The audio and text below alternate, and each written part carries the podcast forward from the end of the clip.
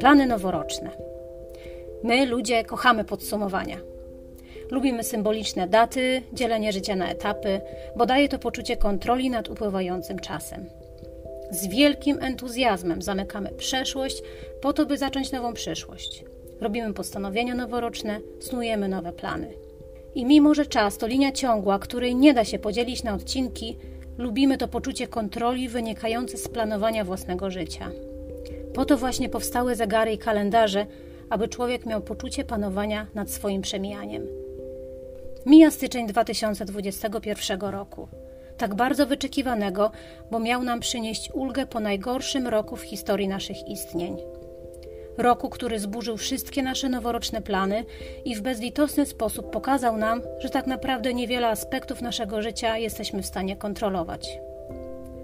Nasza codzienność to seria przypadków i zbiegów okoliczności, a każda próba zdominowania tego niekontrolowanego biegu zdarzeń kończy się w najlepszym razie frustracją.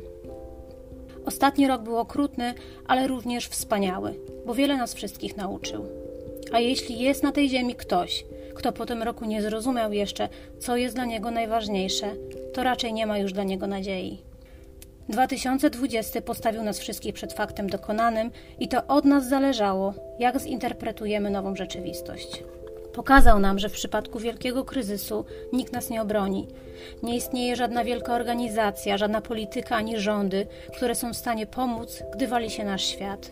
Nauczyliśmy się kochać naszych bliskich, bo poczuliśmy, jak łatwo możemy ich stracić. Zrozumieliśmy, jak ważne są relacje z innymi ludźmi, gdy zamknięci w domach nie mogliśmy się z nimi spotkać.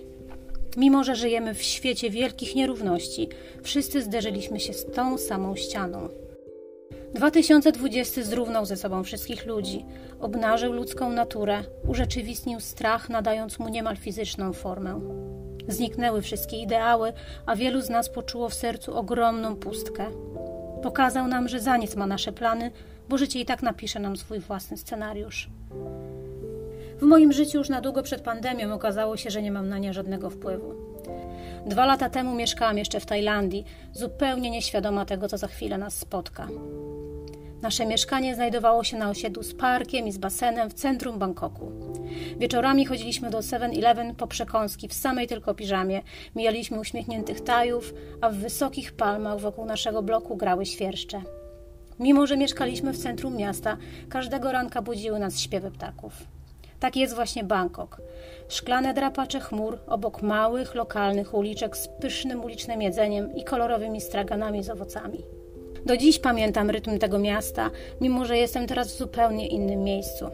Jednak wtedy nic nie wskazywało jeszcze, że za kilka miesięcy nasze życie wywróci się do góry nogami. Nie mogliśmy przewidzieć, że firma, z którą współpracuje mój mąż, z dnia na dzień przestanie istnieć, że po miesiącach poszukiwań nowej pracy nie dostaniemy interesującej nas oferty w Bangkoku, że nasze nowe miejsce będzie od teraz gdzieś indziej. Życie zmusiło nas do zmiany zupełnie wbrew naszej woli. Oferta pojawiła się sama, niczym gotowe rozwiązanie, jednak to naszym zadaniem było podjęcie tej decyzji. Mieliśmy na to dwa dni. Hongkong nie był wtedy najbezpieczniejszym miejscem na Ziemi. Trwały tu antyrządowe protesty, które ostro tłumiła policja. Było o tym głośno na całym świecie. Decyzja nie była łatwa, jednak jak czas pokazał, był to ostatni moment na opuszczenie Tajlandii i znalezienie się w bezpiecznym miejscu przed tym, co za chwilę nastąpi. Bo już kilka miesięcy później, w Chinach, pojawił się nieznany tajemniczy wirus i wtedy właśnie świat zwariował. Ale wtedy jeszcze tego nie wiedziałam. Pakowałam nasze kilkuletnie życie w pięć walizek z uczuciem déjà vu, bo to już kiedyś się wydarzyło. Sześć lat wcześniej, stojąc na poddaszu naszego domu w Polsce, widziałam, jak ogromny kontener zapełnia się moim minionym życiem. Było tam wszystko, co zbierałam latami, kupione za pieniądze z korporacji. Mogłabym napisać, że korporacji, która mnie zniszczyła, ale to nie byłoby prawdą. Ja sama to zrobiłam. Korporacja była tylko narzędziem. Patrzyłam na stertę niepotrzebnych przedmiotów, które gdy tylko pojawiały się w kontenerze, stawały się śmieciami. Byłam wewnętrznie pusta i splątana. Dosłownie, jakbym miała ogromny supeł gdzieś w środku. Decyzję o wyjeździe podjęliśmy wtedy w tydzień. Wszyscy byli w szoku, a w największym szoku byliśmy my. Lądując w Tajlandii, czułam, że równie dobrze mogliśmy wylądować na Marsie. Zupełnie inny świat, inna kultura i zwyczaje. Nigdy wcześniej nie byliśmy w Azji. Pamiętam swoje myśli, gdy chodziłam po brudnych ulicach Bangkoku. Czy oni nie mogliby to posprzątać? Oddaliby władzę w cywilizowane ręce, a my nauczylibyśmy ich, jak robi się prawdziwą turystykę. Tak musieli myśleć Brytyjczycy, gdy kolonizowali Birmę, patrząc na ten prymitywny kraj okiem zdobywcy, lepszego białego, który przecież wie, jak się myśli, żyje i czuje. Po roku w Tajlandii stwierdziłam, że to jednak oni wiedzą lepiej. Zaczęłam zachwycać się ich dziecięcą prawdziwością i prostotą. To było tak różne od tego, co znałam do tej pory.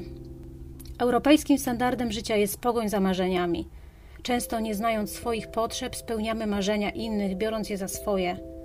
Gubimy się w tej gonitwie, bo przecież zawsze znajdzie się ktoś, kto osiągnął więcej i żyje lepiej. Okupiamy to kryzysem relacji z bliskimi, dla których mamy coraz mniej czasu, a przede wszystkim relacji ze sobą samym, bo dla siebie czasu nie mamy wcale. Oceniamy, politykujemy, wmuszamy innym własne poglądy. Zajmujemy się sprawami bez znaczenia. Po 36 latach egzystencji w takich realiach zamieszkałam w kraju buddyjskim i to było jak zimny prysznic. Tam nie ma żadnych ambicji, za niczym się nie goni. Ludzie wzrastają w innych wartościach. Od najmłodszych lat uczeni medytacji potrafią żyć w zgodzie ze sobą. Większość Tajlandii to małe wioski z polami ryżowymi czy plantacjami trzciny cukrowej. Poza Bangkokiem nie ma tam żadnych dużych miast. Młodzi wyjeżdżają do stolicy, by się uczyć i pracować, i chcąc nie chcąc przywożą ze sobą tą wiejską sielskość i prostotę. W pracy zawiązują się prawdziwe przyjaźnie, są wspólne wyjścia na lunch czy piwo. Jest dziecięce, naiwne życie bez pogoni za pieniędzmi, a gdy tylko pojawiają się trudności, zawsze można wrócić do mamy na wieś, by odpocząć od chaosu wielkiego Bangkoku. W kolejkach do kasy nikt nikogo nie popędza, kierowcy na siebie nie trąbią. Jest kojący spokój. Moja wewnętrzna oceniająca krytykantka z miesiąca na miesiąc coraz bardziej cichła. Obserwując ich życie, uczyłam się siebie na nowo. Zaczęłam dostrzegać dzielące nas różnice i analizowałam skąd się wzięły. Przestałam oceniać. Obniżyłam gardę. Mój wewnętrzny supeł zaczął powoli znikać, a po dwóch latach poczułam, że się zmieniam. Zaczęłam być szczęśliwa. Odstawiłam antydepresanty, które brałam 11 lat. Nie biorę ich do dziś. To jak otrzymać w prezencie nowe życie.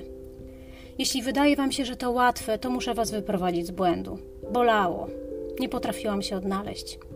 Czasem szarpałam się jak pies na smyczy, próbowałam się wydostać, jednak coś trzymało mnie mocno. Nie był to przyjemny proces. Życie zrobiło mi to na siłę. Gdybym miała tylko możliwość, rzuciłabym się w wir jakichś wydarzeń i zapomniała znowu o sobie. Jednak tam nie miałam takiej możliwości. Nie znałam języka, moje dotychczasowe doświadczenie w bankowości było tam zupełnie bezużyteczne. Wzięłam głęboki oddech, zwolniłam. I tak właśnie miało być. Gdyby nie ta smycz, nigdy bym nie była tu, gdzie jestem teraz. I nie chodzi o Hongkong, chodzi o miejsce wewnątrz siebie, gdzie jest spokój, do którego można wrócić jak do domu. Często zastanawiam się, czy zawdzięczam to Tajlandii. Czy to samo stałoby się gdziekolwiek indziej, bo to ja po prostu dojrzałam do zmiany. Tego nie wiem, jednak Bangkok na zawsze pozostanie w moim sercu. Jedno wiem na pewno: takiej przemiany nikt nie jest w stanie zaplanować. To był ogromny, bolesny, kilkuletni proces, który bardzo często wydawał się bezsensownym marnowaniem czasu. Teraz już wiem, że nie ma nic nieodpowiedzialnego w odpuszczeniu. Na większość rzeczy i tak nie mamy wpływu. Trzeba poddać się naturalnemu nurtowi, zamknąć oczy i wdychać życie, bo tylko obecna chwila ma znaczenie. Przeprowadzka do Hongkongu była jak zderzenie z rzeczywistością. Po sześcioletnim śnie obudziłam się w prawdziwym świecie. Wtedy tak nie myślałam, jednak teraz już wiem, że właśnie tak jest wszędzie poza Tajlandią. Ja po prostu o tym zapomniałam. Nerwowi ludzie, pogoń za kasą, znieczulica. Ale to temat na osobną opowieść. Pięć walizek, ja, mój mąż i córka wylądowaliśmy w Hongkongu 18 października 2019 roku i jesteśmy tu do dziś.